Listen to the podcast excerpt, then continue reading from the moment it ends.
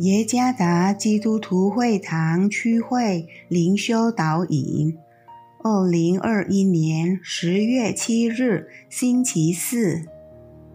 主内弟兄姐妹们平安。今天的灵修导引，我们要借着圣经提摩太后书第三章第一到第九节来思想今天的主题，不是仪式。作者。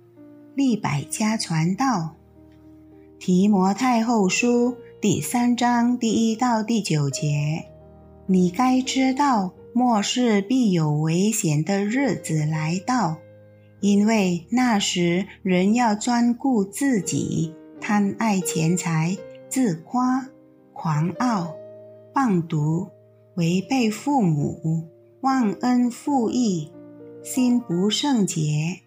无亲情，不结怨，好说谗言，不能自约，性情凶暴，不爱良善，卖主卖友，任意妄为，自高自大，爱厌乐，不爱神，有敬钱的外貌，却背了敬钱的实意。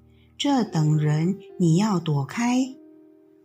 那偷进人家、牢笼无知妇女的，正是这等人。这些妇女担负罪恶，被各样的私欲引诱，常常学习，终究不能明白真道。从前雅尼和祥毕怎样抵挡摩西？这等人也怎样抵挡真道？他们的心地坏了，在真道上是可废弃的。然而他们不能再这样抵挡，因为他们的愚昧必在众人面前显露出来，像那二人一样。我是在上帝的仆人家庭中长大。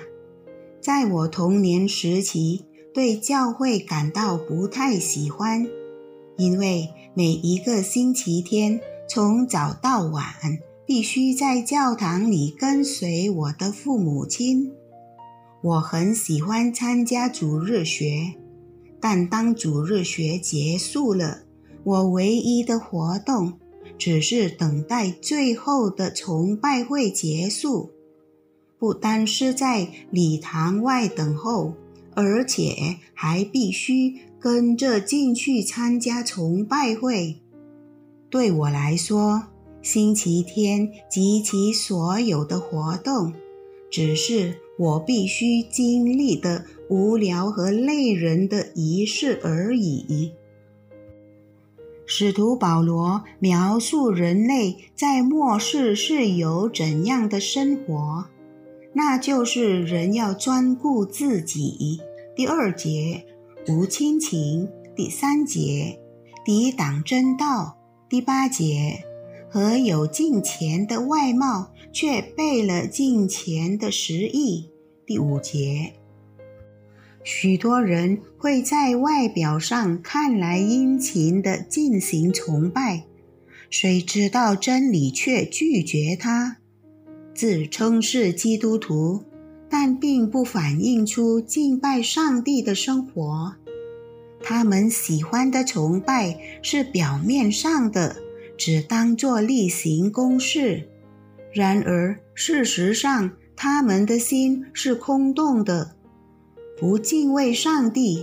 保罗很不客气地说：“这等人要躲开。”我们需要不断地省察自己，在这期间，我们是如何的敬拜上帝？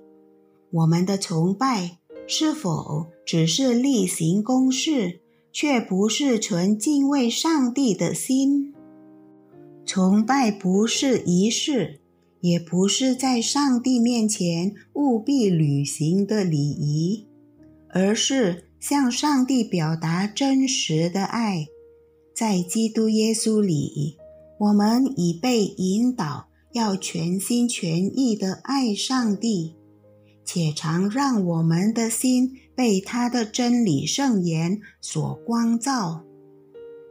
对上帝没有心的崇拜是毫无意义的崇拜。主耶稣赐福。